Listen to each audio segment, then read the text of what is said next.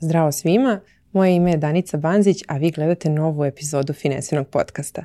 Sa nama je danas Dave Beers, koautor jedne od naših najprodavanijih knjiga Kako doći do moćnih ideja. Čovek koji je pojam kreativnosti demistifikovao i zapravo predložio drugačiju teoriju kreativnosti i inovativnosti. Inače, Dave je u Beogradu delom i zbog novoobjavljene knjige Trenje, koja se u originalu zove The Friction, čiji je koautor, a meni se nekako čini da ove dve teme ne idu jedna bez druge, te mi je posebno zadovoljstvo što ću danas moći sa njim da govorim o svom tom trenju oko dobrih ideja. Razgovor ćemo voditi na engleskom jeziku.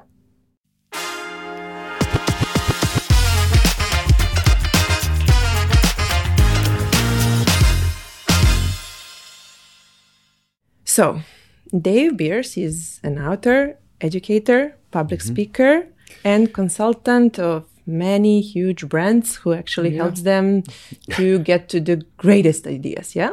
Well, yeah, I mean, basically, as you can see there, I find it difficult to just do one thing. I see it. Yeah, yeah it's difficult for you. and um, on the other hand, yeah. uh, I was reading your book, How to Get to the Great uh, to the Great Ideas. So you said that you actually, uh, and I quote, "You're mortified when you are introduced as the creative guy. And uh, uh, even moreover, you said that the word itself bothers you that much that you even considered reducing yeah. it from the from the throughout the book. Yes. How come? I think there's so many misunderstandings about uh-huh. creativity. It can actually cause more problems using the word mm-hmm. because uh, there's people who say, "Oh no, I'm not creative," but I don't see a difference between people who are creative and people who aren't apparently creative. It's just the difference between people who use their minds to try mm-hmm. and come up with mm-hmm. something new and people who aren't willing to do that. Mm-hmm. So, creativity, a lot of people think that it's a gift that some people have and other people don't have. And I don't believe that. And I, I get asked very often, can you teach our staff how to be more creative? And my answer is like, no. But I can teach them to be less uncreative. Because the truth is that we all start out creative mm-hmm. and we learn how to not be creative over time. There was a study done by NASA uh, many years ago yeah. where they had this issue that they felt their engineers were coming up with the same kind of problem, the same kind of solutions again and again. Therefore, it wasn't very creative what mm. they were coming up with.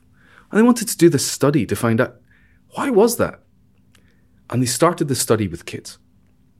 Now, at the age of five, 98% of kids have got a genius rating in creativity. Mm-hmm. So, using this skill they had, that 98% of five year olds mm-hmm. were geniuses creatively.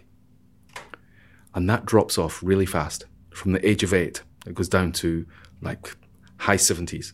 And then by the time people are in their mid teens, less than half. Mm-hmm. By the time people reach the age of 30, this study showed that 98% of people do not score as creative geniuses. So it goes from 98% being creative geniuses as five year olds to only 2% at 30. Now, why is that? Well, we learn to not be creative. We stop using the creative muscle. We, we are paralyzed by the fear of, of saying something new that, that other people might think is silly. We are indoctrinated in education that there is a right and there is a wrong. And a lot of the time, what creativity is about is, is embracing the maybe. Mm-hmm. You know, rather than the right or wrong. So there's so many issues round about the word of creativity that I've found that it can cause more problems than, than being helpful in discussions for me. I can see that. But uh, what's actually creativity in a way that what would be the criteria to hmm. judge mm. if something is yeah. uh, creative enough or not? Well, the way that academics try to judge it is they use two things. They say it has to be um, it has to be original, is the word that they use. Like new, something new, brand yes. new. Okay um, and it has to be useful. So useful and original. I've got a problem with the word original. Mm-hmm. I don't think original is the thing we should be aiming for because it's very hard. I don't know if I've seen anything original in my entire life. Yeah, exactly. Anything that's been original and useful. So so everything is a recombination of existing elements, which means that really is it original? If you looked at the, the first uh, smartphone that came out, could you say that was original? Or was it a recombination of a computer and a phone? I see. You know, so there's two things coming together to create one thing. So I don't think it's about being original, but I do think it's about being non obvious. Most people, when they come up with ideas, they come up with obvious ideas, the kind of ideas everyone else would come up with. And a lot of what we have to do when we're trying to come up with new ideas is look for the stuff that isn't obvious, the stuff that other people wouldn't come up with. Mm-hmm. And the people who are good at that, we call creative people because they're coming up with stuff that no one else is coming up with. They're not coming up necessarily with anything original, but they're coming up with stuff that is different. Mm-hmm. And that's really a lot of what it's about. Uh, so to me, to judge whether an idea is creative or not, it should be non-obvious. And uh, I kind of like draw this matrix. So on one axis, it should be non-obvious. And on the other axis, it should be useful. If it's non-obvious and not useful, it's what we call whimsy. It's something that's not really, you know, it's it's, it's kind of like artsy, but yeah, it doesn't really do anything. Um, but most people play in the obvious area, and that's the whole thing. A lot of what I do is trying to take people away from obvious thinking to more interesting, non-obvious thinking. Because if you're doing something that other people aren't doing, you've got an advantage that other people don't have, and that's the way it works in business. I think that on the other hand, people are a bit afraid of getting ridiculed, you know, because if you are going to this other side, completely non-obvious things, talking about mm-hmm. them, working on them, people can watch you like Yeah. and uh, like you said in in your new new book the friction you actually uh, uh, um, talk about nikola tesla and how they actually saw him at that time like some lunatic a bit but Yeah. today when you actually look in retrospective of it you can see that actually it's a genius in there Absolutely. And it's the, the the thing that he was up against Edison, and Thomas Edison is basically as, as you've you've drawn your light bulbs here on the front of the book. There's a, a light bulb, and that's all because of Thomas Edison, and he was who uh, Nikola Tesla was fighting against. Now Edison was considered to be a creative genius, but he wasn't. And there's a real problem with the idea of there being the lone creative genius, the one person who has got this incredible mind that solves everything by themselves. I think that real creativity often comes from people getting together. And we're finding that over time, if you look at academic papers, uh, we're seeing over time there's more and more collaboration in academic papers than there was in the past. The idea of the lone genius was a myth all the time, but we are moving faster, really fast away from that. And we're seeing far more collaboration. And one of the areas I'm particularly interested in is that there's been the collaboration uh, of more humans getting together. And that means that you've got lots more perspectives. You can explore a bigger idea area when you've got lots of minds. But now, as we're seeing in the last couple of months, we can also collaborate with technology. yeah So with ChatGPT, yeah yeah exactly that is now one of the things. It's something that I talk about and how to get to great ideas is that the future will be a collaboration with technology, and that's unbelievably what we're seeing in the last uh, the last two months. Yeah. talking about it ai generated art Yes. So we saw uh, what things are possible with it. So that uh, computers these day- these days are capable of actually creating or producing some sort of art, uh, Yeah. music or the paintings or etc. So tell me, is that creativity? Can we call it be- because it's new? You said it's Yeah. new, okay. And the other hand, uh, it's It's valuable. valuable. So is it creative? I think that this is a really interesting discussion to have because right now, for most people, right, particularly artists, let me say that. Yeah, they are. Artists are saying, no, that's not creative. Of course, yeah. But of course they would. Of course. I've I'm currently doing an experiment. I as as from my books you see that I do experiments. Yeah. And the experiment I've I've been doing is is creating art in collaboration with AI. Yeah.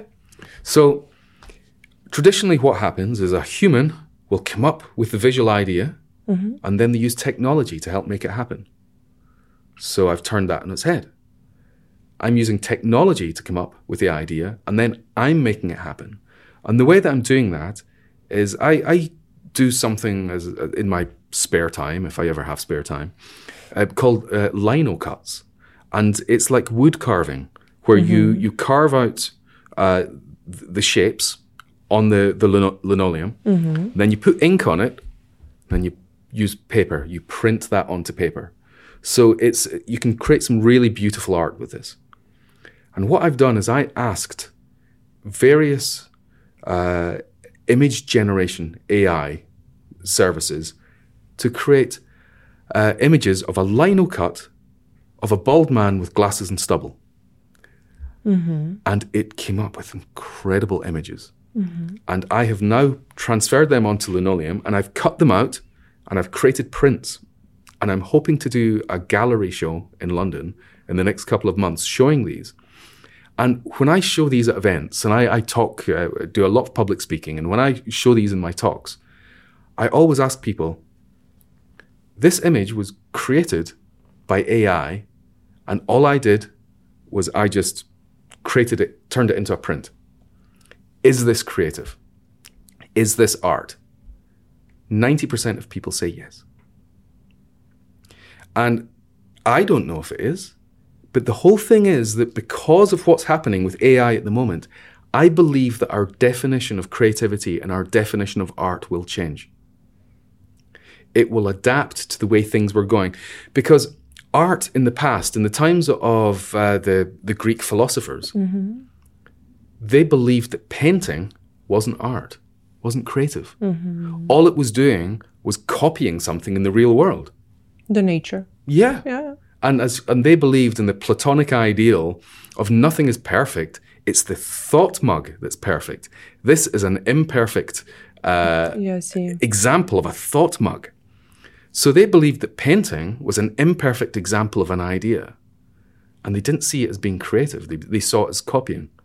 Now, if you if you're looking for images to do with creativity, painting is the first thing that comes up.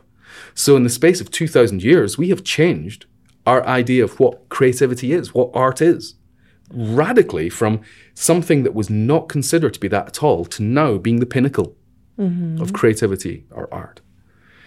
So I, I'm fascinated with how that meaning can change and how that idea can change. And I believe we are going to see a radical change in how people view creativity and how they view art because of AI. And the people who are going to uh, debate hardest against this are the people with the most to lose. It's the artists. And I have a lot of sympathy for them. Um, I, you know, I've been a musician. I've, I've done art myself. I've got a lot of sympathy for them, but when technology is coming, it, it's, you know, you either get on board or you get left behind. And that's exactly what's going to happen. So at the moment, to answer your question, is this art? Is it creative? That is very much up for debate. Uh, some people say yes, some people say no, but I believe that maybe 10 years in the future, maybe take longer, maybe won't take as much, people will absolutely be saying yes. That is creative. That is art. Machines can be creative. And I personally believe that they can. Okay, thank you. so let's talk about, a bit uh, about the fri- friction. Yes. So the latest book, yeah, Yeah. that you co co-author are uh, with uh, Soon Yu, yeah. Yes. So what was the moment, if there was any specific moment, when Mm-hmm. you two or you yourself realized that the friction is some uh, important uh, principle in our lives? Uh, Mm-hmm. And um, what is a good friction? And can you tell Yeah. us a bit more about the friction in general? Absolutely. I mean, Soon and I, we, we wrote a book previously. It's, it's not in Serbian yet. yeah, I, I, I saw it. Yeah, I saw it. Um, iconic advantage Yeah. and we were we're always debating each other and talking about uh, concepts both of us are what we call a contrarians we're always looking at the other point of view mm-hmm. so if everyone is saying one thing Soon and I are always going, yeah, but what's the other? what's the other mm-hmm. thing we could say? What is it that could disprove what everyone's saying? So we don't like it when everyone jumps on a bandwagon. Mm-hmm. And we were talking one day about how everyone had been talking about going frictionless, particularly for web design mm-hmm. and for customer experiences, mm. that we need to remove the friction, we need to go frictionless. And the two of us always challenging everything. We're like, is that real? Is that true? And I was saying, well, I get frustrated with that because when I work with clients and we're looking at digital experiences, I feel that people are forgetting that it's you don't just ha- you shouldn't just remove the pain, which is what removing the friction is. You should also be looking to add the pleasure. Mm-hmm. And websites aren't doing that. The people who are doing user experience are only removing the pain, they're not adding pleasure. And from that we realized, oh, hold on. Maybe this friction thing is wrong. This idea of going frictionless is wrong. Mm-hmm. So we started to look at that and question it. And we realized that, yeah, friction is actually really important. If you think of anything that means something to you in, you in your life, you know, your family, for some people, it might be a, an expensive car. For some people, it might be their, their wardrobe of fine clothes. For some of them, it might be their career. Uh, it might be their musical ability, might be their artistic ability. And, and all of that stuff takes friction to get it. It all takes friction. It takes effort, it takes time, it takes money. All of these are just different forms of friction. And then we realize that as you remove friction, things become meaningless. So if you if you look at people who win the lottery, on average, and this is a study that's been, been done in the UK and in the US, people who win the lottery tend to become bankrupt within 10 years. I read about this guy. So, so what's that about? You've just won uh, a million dollars, ten million dollars. A few years later, you're bankrupt. What? What did you do? And then you compare that to people who have got a business and they've worked hard on it, and after a few years, they sell their business for a million, ten million. Are they going to be bankrupt in ten years? Unlikely, because they've worked hard for that. And it's amazing that that you there's a far higher rate of bankruptcy for lottery winners than there is against everyone else in the population. And you would think that uh, a million dollars is a million dollars, but it's not. You value it differently according to how you got it. If you're given a million dollars, that's very different from having earned a million dollars. It's the friction that gives the money its value. So we started to, to look at what are the different ways that we could add friction in a valuable way. And we came up with seven uh, different ways of doing it. And uh, one of the things we, we sort of looked at is, um, is a great example of from the 1950s. There was a, a, an amazing cake mix that was released in America. The Betty Crocker cake mix. Now, this thing was amazing. All you did you put the, the cake mix in a bowl, you added a certain amount of water, stirred it, put it in the oven. Boom, done. And it tasted just as good as a cake that had been baked yourself. So surely that's a great product. You just buy the packet, put in the water, oven, cake. Easy.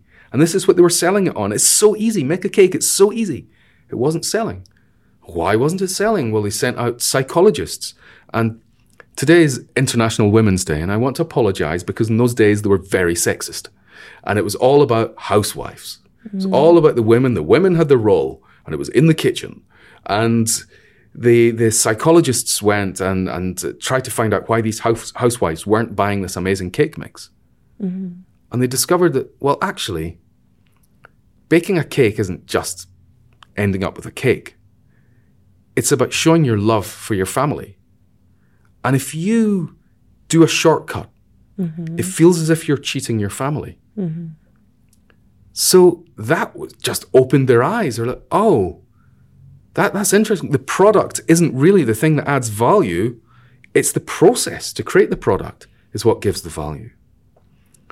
So they slightly reformulated the product to make it slightly harder. And instead, what you did was you put the cake mix in a bowl, you added the water, and you added two fresh eggs. And by just this simple thing of just add two fresh eggs, they created the product. The product is still around just now. It was flying off the shelves. And that was extra effort that made that uh, a successful product. When it was so easy, it wasn't successful. People wanted the extra effort because it meant more to them. So that was for us like the ultimate example of how friction uh, actually added value to the product itself. Yeah, I read it in your book. Yeah. that was great, great comparison. So we are so driven these days to reduce as much friction as possible, Yeah. and all of it for the sake of some f- free time, much more free time. Yeah. And.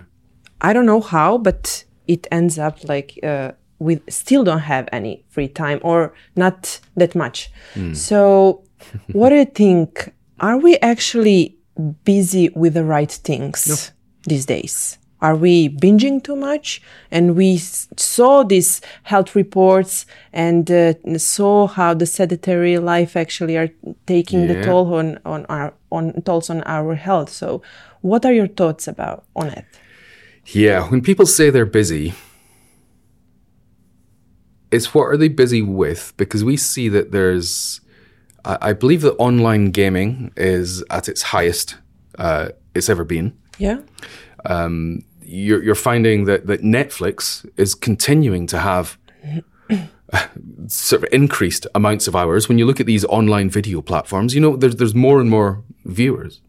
So what, what are we busy with? There's a difference between being busy and filling your time. And this is what most people don't understand. Now, when I say I'm busy, I I mean that I'm still doing work at 11 o'clock at night with a laptop in my knee. I'm busy. That's, you know, um, it's probably not healthy for me, but I can honestly say I'm busy. But being occupied is different from being busy. Uh, In um, in how to get to great ideas, I, I, I put forward that I believe there's four different modes that the brain operates in, and you can exercise your mind. So that's actually putting your mind to work on something. You can feed your mind, so you're putting new information into your mind. You're learning new skills. You can rest your mind, go to sleep, do some meditation. That's all good. Or you can occupy your mind. Occupying your mind is, I, I guess, Kardashians and uh, uh, Angry Birds and all of these kind of things. Right. Occupying your mind is the lowest value. I'm not saying it's got no value, but it's the lowest value of those four modes. Resting your mind is really important. Um, and certainly feeding your mind and exercising your mind are really important. But there's just so many people occupying their minds. And when I used to uh, run creative departments in the advertising industry, I remember going around and seeing people on Facebook. And I'd, I'd go into their office and there'd be creatives there and I'd say, So, what are you doing? And say, Oh, we're looking for uh, inspiration. On Facebook, you're looking in the wrong place. And I would ask them to get out of the building. Uh, I'd say, Take a pad and a pen, get out the building, go to an art gallery, go to a record shop, sit in a cafe, and come back this afternoon with some ideas. That's where you're going to find inspiration in the real world, seeing interesting things, uh, having experiences you wouldn't normally have. That's where you get inspiration from. Uh, I, Facebook is a platform that's designed to numb the mind and keep you scrolling. So it's uh, a lot of people they just don't understand how their brain works, and I try to communicate that. Um, yeah, and and of course, all of that is friction, isn't it? Yeah. You know, it takes it takes effort to to keep feeding and growing our minds.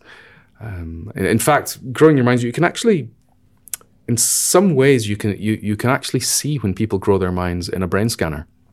Mm-hmm. So there's the situation of London taxi drivers. To be able to drive a black cab, a black taxi in London, you have to do an, a, a qualification called the knowledge. Mm-hmm. And the knowledge means that you have to memorize all of the 35,000 streets in London. You have to know where they all are. You have to know how traffic changes during the day to know that do you go this route or do you go that route? Mm-hmm. You have to know the location of all the hotels, all the theatres, all of the tourist sites. Now, to get all of this information into your head, it takes about four years. And it takes people 12 or 13 times usually to pass the exam. But what they've done is they've put the people who do the knowledge into uh, brain scanners. And they've found that, that there's an area of the brain, the hippocampus, it's underneath. And one of the things that the hippocampus does, it help. It's all about teaching new skills. So as you learn new skills, the hippocampus uh, starts wiring stuff together. But spatial awareness is a big part of the hippocampus. And if you compare people's brain scans from before they did the knowledge to after they did the knowledge, you can see that the back part of the hippocampus has significantly grown. Mm-hmm. So our brains grow and develop according to how we use them. Mm-hmm. And they also uh, prune themselves according to how we don't use them. Mm-hmm. So if we don't use certain skills, we don't use certain abilities, then we lose that. That our brain just cuts that out because what's the point in maintaining a network that's not being used? Using up more energy than we need to because our brains use a lot of energy. Mm-hmm. So as we don't exercise our brains, as we don't use our minds, we become dumber. We lose abilities. Our brain's getting rid of all that stuff. So it's important to keep the friction in, mm-hmm. to keep growing our brains, occupying, not occupying our minds, feeding our minds, growing our minds. Because if not, the alternative isn't that great. Yeah, I guess. So uh, you mentioned that uh, you were running some advertising departments and you Yeah. were working with a lot of people. So tell me, what do you think about the brainstormings and team buildings? Is this actually really the way to connect with your team and to actually uh, make a fric- uh, friction and to actually get to the uh, great ideas? Brainstorms can be a lot a lot of fun. They can be fun because you've got a bunch of people together in a room and it doesn't feel like real work. And usually they, hey, we've got some biscuits, have a cup of tea. And you get to stand around and stick post-its on a wall and feel as if you've done something. However, brainstorming was invented in the late 1940s mm-hmm. by a man called Alex Osborn, who was the founder of an agency called BBDO, which is still going today. Mm. And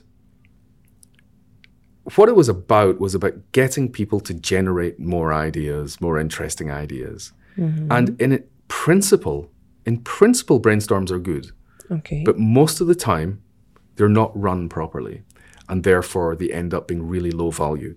So when companies have brainstorms, and normally what happens is you get uh, someone goes round the office in the morning going, "Uh, "We're having a brainstorm. Brainstorm. Anyone free? Anyone free?" And they get the people who aren't who aren't uh, wanting to do their work. So they get the people who are the slackers already. Come on into the room. Let's have a brainstorm. And they get them into a room, and then they don't give them quite enough information. They say, "Right, this is our problem. This is what we're doing." Ideas, ideas. Anyone? Ideas. And they stand in front of a flip chart and start writing down ideas. Oh, there's so much wrong with that. So, first of all, when you've only told people like a version of the problem there, what you get is first ideas. First ideas are obvious ideas. So we're looking for the non obvious. You get the obvious. Mm-hmm. You get social problems where you get the the more confident people, the more extroverted people will tend to take over the brainstorm. And one of the things that we find from people who are overconfident is they come up with really obvious ideas. It's the people who aren't so confident but stuff come up with, well, maybe, and that's the interesting stuff. Uh, uh, maybe is, is when you go, yeah, tell me more, let's explore that. But the people who say, uh, yeah, well, I saw this thing that this other brand had done. Wait, maybe we could do that. Okay, so we're, we're stealing stuff from other people and using that. So, so you find that brainstorms aren't coming up with the great ideas. So there's certain things you can do to improve them. First thing is curate the right group of people. So bring the right group of people together, not just who is available or not just who is in your team. Go, right, what are the skills we need? What are the perspectives we need? What's the knowledge that would help? Who are going to be the best people to help with that? Right, let's get them together in a room. All right. At that point, you have got a much bigger thought area to explore because you're going to get different perspectives. Mm-hmm. Next thing, give people a proper brief in advance, at least 24 hours before you hold your brainstorm. Okay. And tell them that they need to come to the brainstorm with three ideas. Now, what happens is, is that brainstorms, if you get people together, you get confirmation bias. And somebody says an idea, and everyone just goes and like gathers around that idea. Mm-hmm. And you end up just exploring this small little thought territory. If you ask people to come up with ideas in advance and they come to the meeting, when people come up with ideas on their own, they will come up with much more diverse ideas, much more interesting ideas. So you've got people coming to the group with far more ideas just ready to kick off thoughts in the group. Mm-hmm. Then you make sure that there's not somebody standing in front of a flip chart asking for ideas. Why is because, that important? Because you create this funnel that only one idea can be thought about at a time. Mm-hmm. Because you're waiting, there's that yeah. one person that everything's going through which means that there's other people in the room who are going, oh, there's that thing. Oh, the conversation's gone in a different direction. Oh, never mind. You've lost that thought. So, what are you suggesting? If not a flip chart, then everyone should write for themselves? Well, that's one way of doing it. And I like to mix it up in groups. So, I, I don't call these brainstorms because I think brainstorms put people into this kind of like mode. But when I'm getting people thinking in groups, I find that it's best to mix up uh, personal thinking time mm-hmm. with small groups uh, thinking together before you then expand it to the large group. So I go for individual, small group, whole room. I see. And that can be a fantastic way of doing it. Because so you by using individuals, you can get uh, far more diverse ideas. When you've got like two people or three people working together on each other's ideas, then they can give different perspectives and they can help grow it and develop it and sense check it. And then you've got the whole room together, and then they can go, yeah, that's a great idea. We should be doing that. Other people will start to bring their perspectives in, and you start thinking about how you would actually make it happen. Mm-hmm. So, brainstorms, and another problem is that brainstorms very often don't tend to lead to proper outputs. So, people come up with a bunch of ideas, and then they're left on a flip chart and then everyone goes, oh, that's it. Oh, that's it. I need to run to another meeting. Mm-hmm. And, and off they go. And there's a whole load of ideas on a flip chart. And what do they do? Well, oh, let's get the intern to just type them up. So the intern types up these badly written mm-hmm. ideas that are just like one sentence of what if we made shoes out of cheese up there. And the, the, the intern starts typing these out. And then a document gets sent round. And people look through it and go, no, there's nothing. There's mm-hmm. nothing. And it's because the ideas weren't sufficiently articulated. So I make sure that when we're running idea sessions, we find ways of exploring as much territory as possible, mm-hmm. which is what we call um, you've got divergent thinking. So you're coming up with loads and loads of options. And then we have to go through a convergent thinking stage, which is getting it down to the best stuff then articulating that best stuff in a way that we'll be able to understand at a later date. And then we uh, we might vote on those, or we might leave it just now to develop them a little bit more, and then we'll vote. But um, I make sure that at the end of it, there are very definite outputs, mm-hmm. which is why uh, there's a lot of companies that like to use me for their workshops because I give them very strong outputs. They know that they're going to get something yeah that they'll be able to do something with at the end yeah i got something today you know because yeah. this uh, uh, brainstorming, but uh, gradually, it's Yeah. really a great idea. So you are the creative guy, the most creative guy. I, I understand bits about creativity. I'm- I'm, not saying I'm a creative guy. I, I don't. Okay, okay, if you say so. Other people can say that, but I won't. Yeah, yeah, okay. um, now, I saw your TEDx speech with the nudge, and I was really enjoying enjoying watching this. Yeah. You know, you smashing smashing all of those uh, Yeah. gadgets, etc. And um, I saw what's what's what was what is behind it, and uh, I heard you loud and clear telling us that Mm. actually mm, mm, the the the, the distractions uh, throughout the day through these uh, gadgets Mm-hmm. are actually bringing uh, bringing us to the shallowest uh, Yes. Mm. of our thoughts, and uh, how can we avoid it and Yeah. come to the depth of our thoughts? You know, it's difficult because there's I been know. there's been research done into how people use mobile phones. So for for those who haven't seen the TED Talk, um, basically what I say is that you we've got a problem at the moment because to be able to solve problems properly, you need to dive deep, have some isolated thinking time to really wrap your mind around the problem. But as we keep getting notifications on our watches, on our phones, on our computers, it causes us to resurface. And each time we get a notification, we resurface and then we have to dive again. And we're getting shallow thinking rather than deep, proper thinking. Because what happens when you start to come up with ideas is you you end up you come up with a bunch of ideas and then you feel ah I can't come up with any more I must be done. No, you're not done. Uh, that's when you take a break. You go for a walk, go and get some inspiration, read some stuff, work on something else, come back, maybe have a sleep. I'm a big fan of sleep. Sleep is great for the brain. Uh, Tell that to mother of two. So yeah. you don't need to. tell yes. I've got a, I've got a, a two year old and an eight year old. Oh my goodness. Oh, so you know the deal, Yes. but mama knows it better. okay. Um, so, so then you, you come back again and you try to come up with some more ideas, and you will. You'll come up with some more ideas, and then you'll feel as if you run dry. Right. This first level here, most people give up after the first level. Mm-hmm. So maybe 90% of people, that's a made up figure, 90% of people give up. And then you go again, come up with some more ideas, and then 90% of them will give up. You keep going. And as you keep going, you keep trying and come up with new ideas. It's that final bit there mm. means that you're one of the 1% in, the, in, in trying to come up with ideas. People are always looking for shortcuts Yeah. and there's no shortcut. And this is the thing that people who are looking for hacks, there's no hack. There's no hack to this. There's technique, there's attitude, but there's no hack. Mm-hmm. It's actually about feeding your mind with all the right stuff that then becomes the ingredients. Mm-hmm. And if you don't feed your mind with very much stuff, and it is all chewing gum and Kardashians, then you've got a narrow input. A narrow input leads to narrow output Yeah.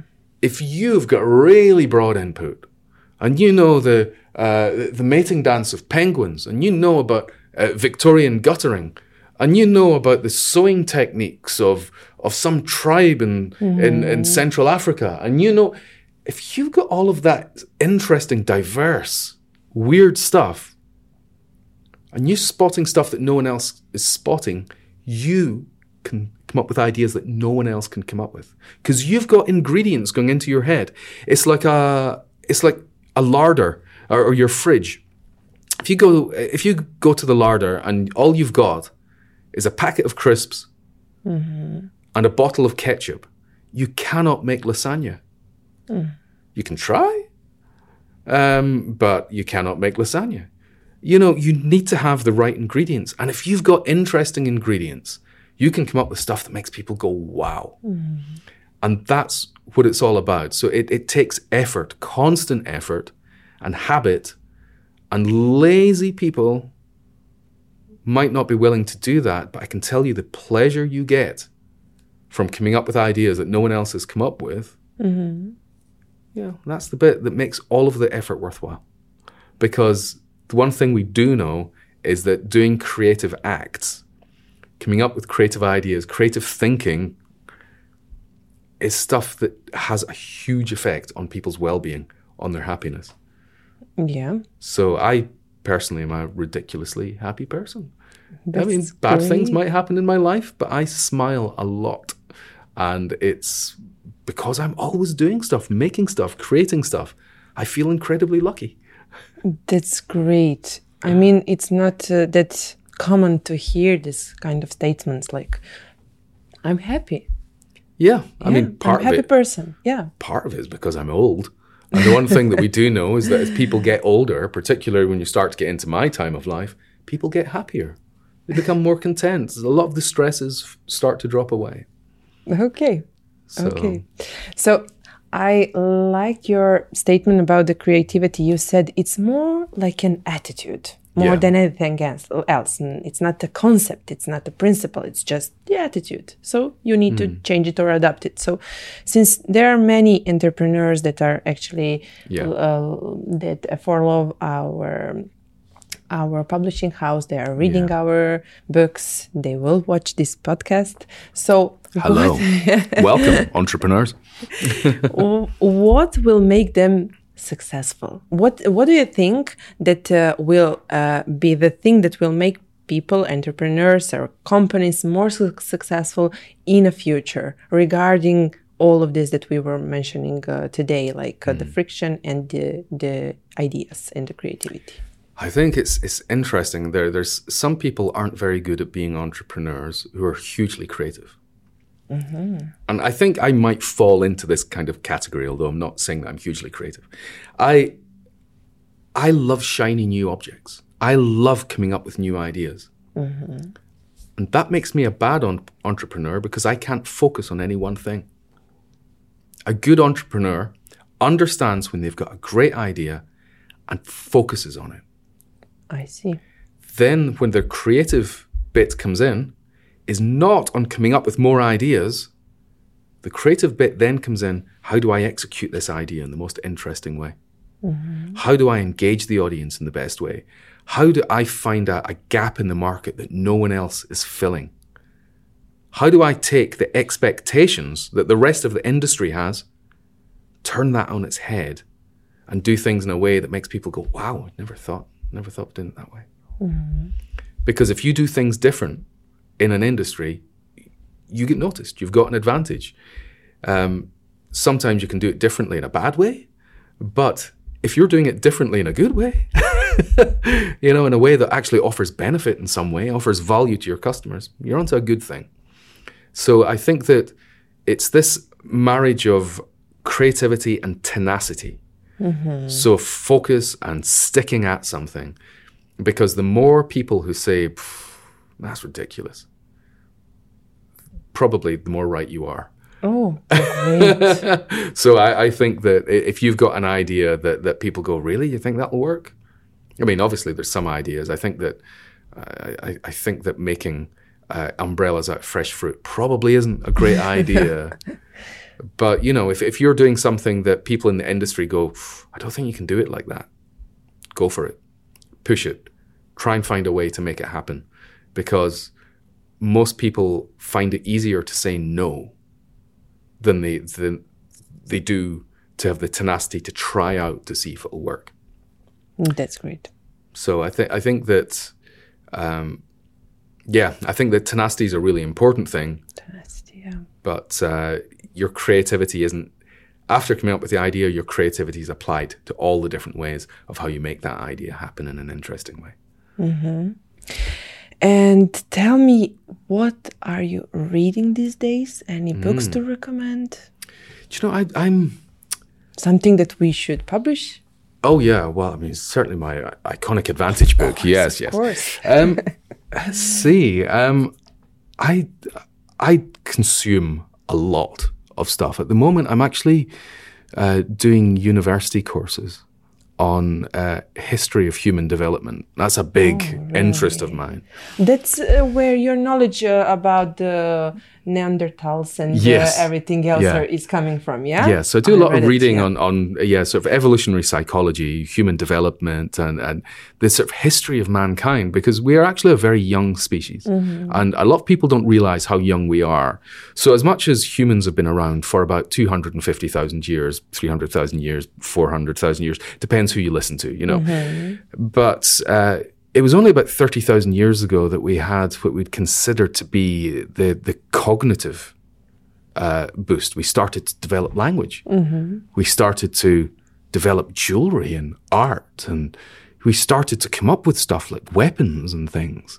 And as much as we'd had flint before that, flint was the only thing for years and years and years. And then, you know, we started to come up with interesting stuff. And then from that, about uh, 12,000 years ago, up until then, we were out on the plains, uh, running from beasts, hunting, gathering, moving around with the seasons to get food. 12,000 years ago, we invented farming in Mesopotamia. And then uh, that started to, to grow into having cities, and we started to see cities about, you know, three, 4,000 years ago. And then uh, we've been in this unbelievable accelerated journey in the last 150 years, 200 years, where from the Industrial Revolution onwards, just think of it, unbelievable. We went from pretty much uh, poking the soil with sticks to uh, creating machines that do amazing things to uh, creating airplanes, making it to the moon. You know, it's just unbelievable what we've done. Working at an atomic level to now nuclear fission, which is the thing we've been after for years, is apparently possible. You've got people working in teleportation. I don't know if they'll actually crack that, but we are just doing amazing things.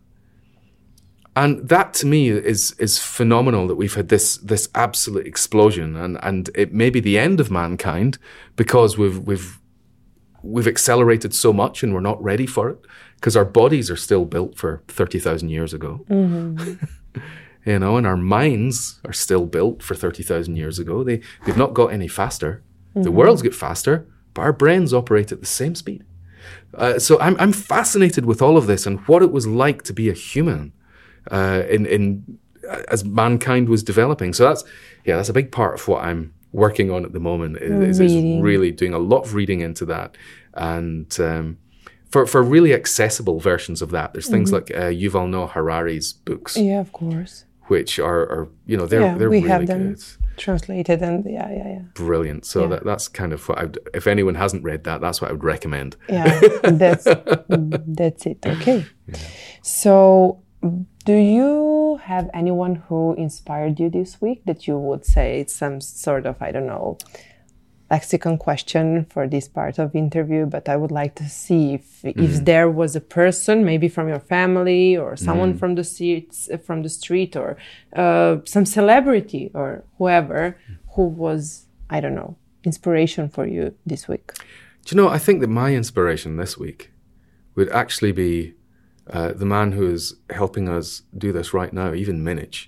Oh, great! Now, when I was on my way here Yeah. to Belgrade on Monday, I was an idiot.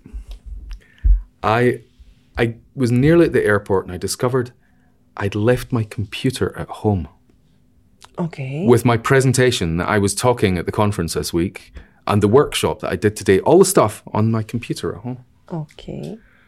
And I was like, oh man, what do I do? Uh, fortunately, all my work was backed up to the cloud. So I thought, well, maybe can I run it off my phone? Maybe I can buy a laptop at the airport. That's going to be expensive. So I, I sent Ivan an email, and it's Ivan's attitude. No problem. Don't you worry. It's all fine. I, I thank Ivan profusely. He's just like, it's okay. It's no problem. Least I could do. And it, it his his attitude of just nothing is a problem. I do anything for you. It's all good. And that to me, I, I wish I was more like that. Oh. Rather than I get I get stressed about things and, and it just even so chill. And that's uh yeah, that's he inspires me with his attitude. That's great. I'm so happy to to hear that someone from Serbia and especially Ivan mm. who is actually providing us with with uh, this place where we can actually record our podcast, etc. Yeah. So I am so glad that you actually pick someone like that. Yeah, that's great. And last question. Yes. Yeah. If you were a child uh, today in 2023, mm. what do you think you would like to become when you're grown up? You know. So now, oh, wow. just the, the ideas are completely different than they were when you were young, I guess. So, wh- what would be your wish, what your greatest wish? Mm. That is so interesting because when I got into advertising, yep. I got into advertising because that was the only way that I could work with world class photographers. I could play with film. Mm-hmm. I could uh, work in radio, all of these things that I was excited about, working in media, making things. It's like, wow. That the only way to do that is to get into advertising, and I get into advertising. I got to play with all of that stuff. Now, mm-hmm. don't need don't need that because I can create something and put it on the web to an audience of half of the world, mm-hmm. and they can see it seconds after I've published it. Of course, most most of them don't, but um, I still I can build my own audience. I can create my own stuff in a full artistic control, and I love that because I, I do a lot of that stuff. You know, it's like even the writing books. You know, I, I just it's a way of just getting stuff out. I um, I'm about to create a, a YouTube channel that. Uh, I, am really looking forward to. I'm creating more content. I do lots of stuff on LinkedIn I make my own uh, education courses yeah, online, and people take that. And you know, years ago, I couldn't have done that, but now technology allows me to do that. So the question, what would I want to do as a kid? I think I would have been so bamboozled with the options. Yeah, exactly. so many things I could do. I think it, as a kid, it'd be a very hard thing for me to decide because I'm the kind of person that wants to do everything. I want to try everything. And I, I mean, it's infuriating for my wife because here's, oh, Dave's doing a new thing. He's doing art now, or he's, oh, he's writing songs again, or, you know, and I, am always doing something mm-hmm.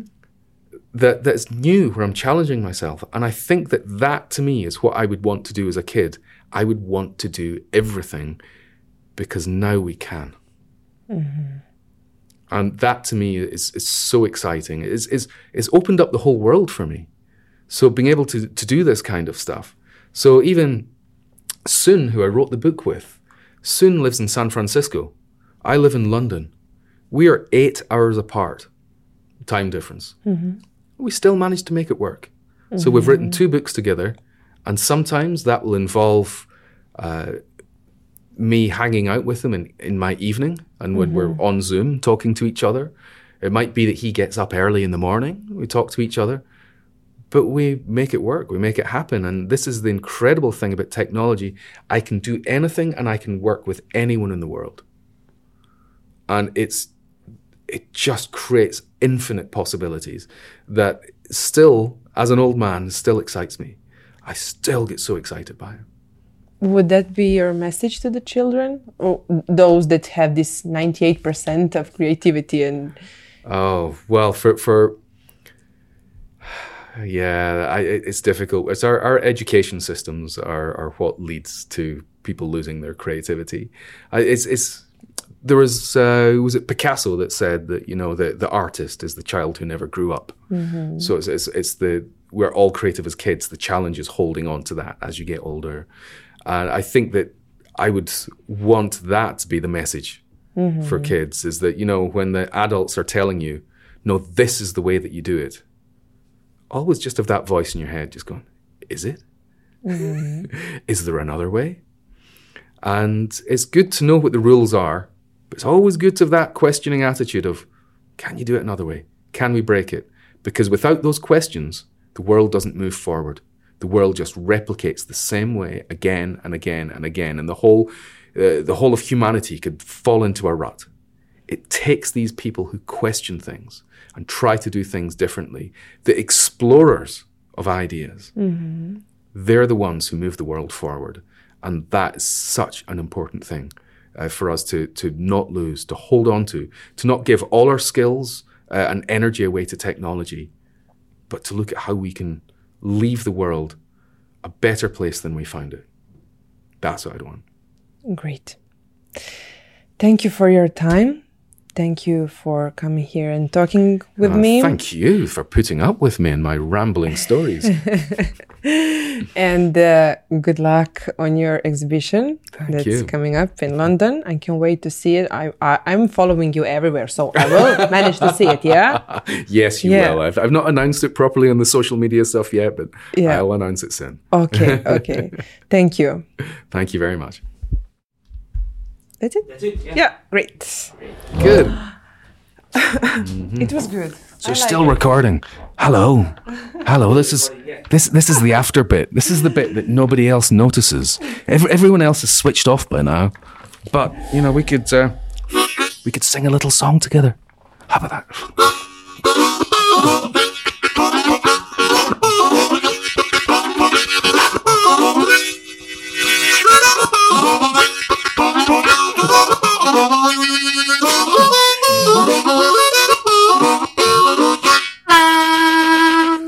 That's all, folks.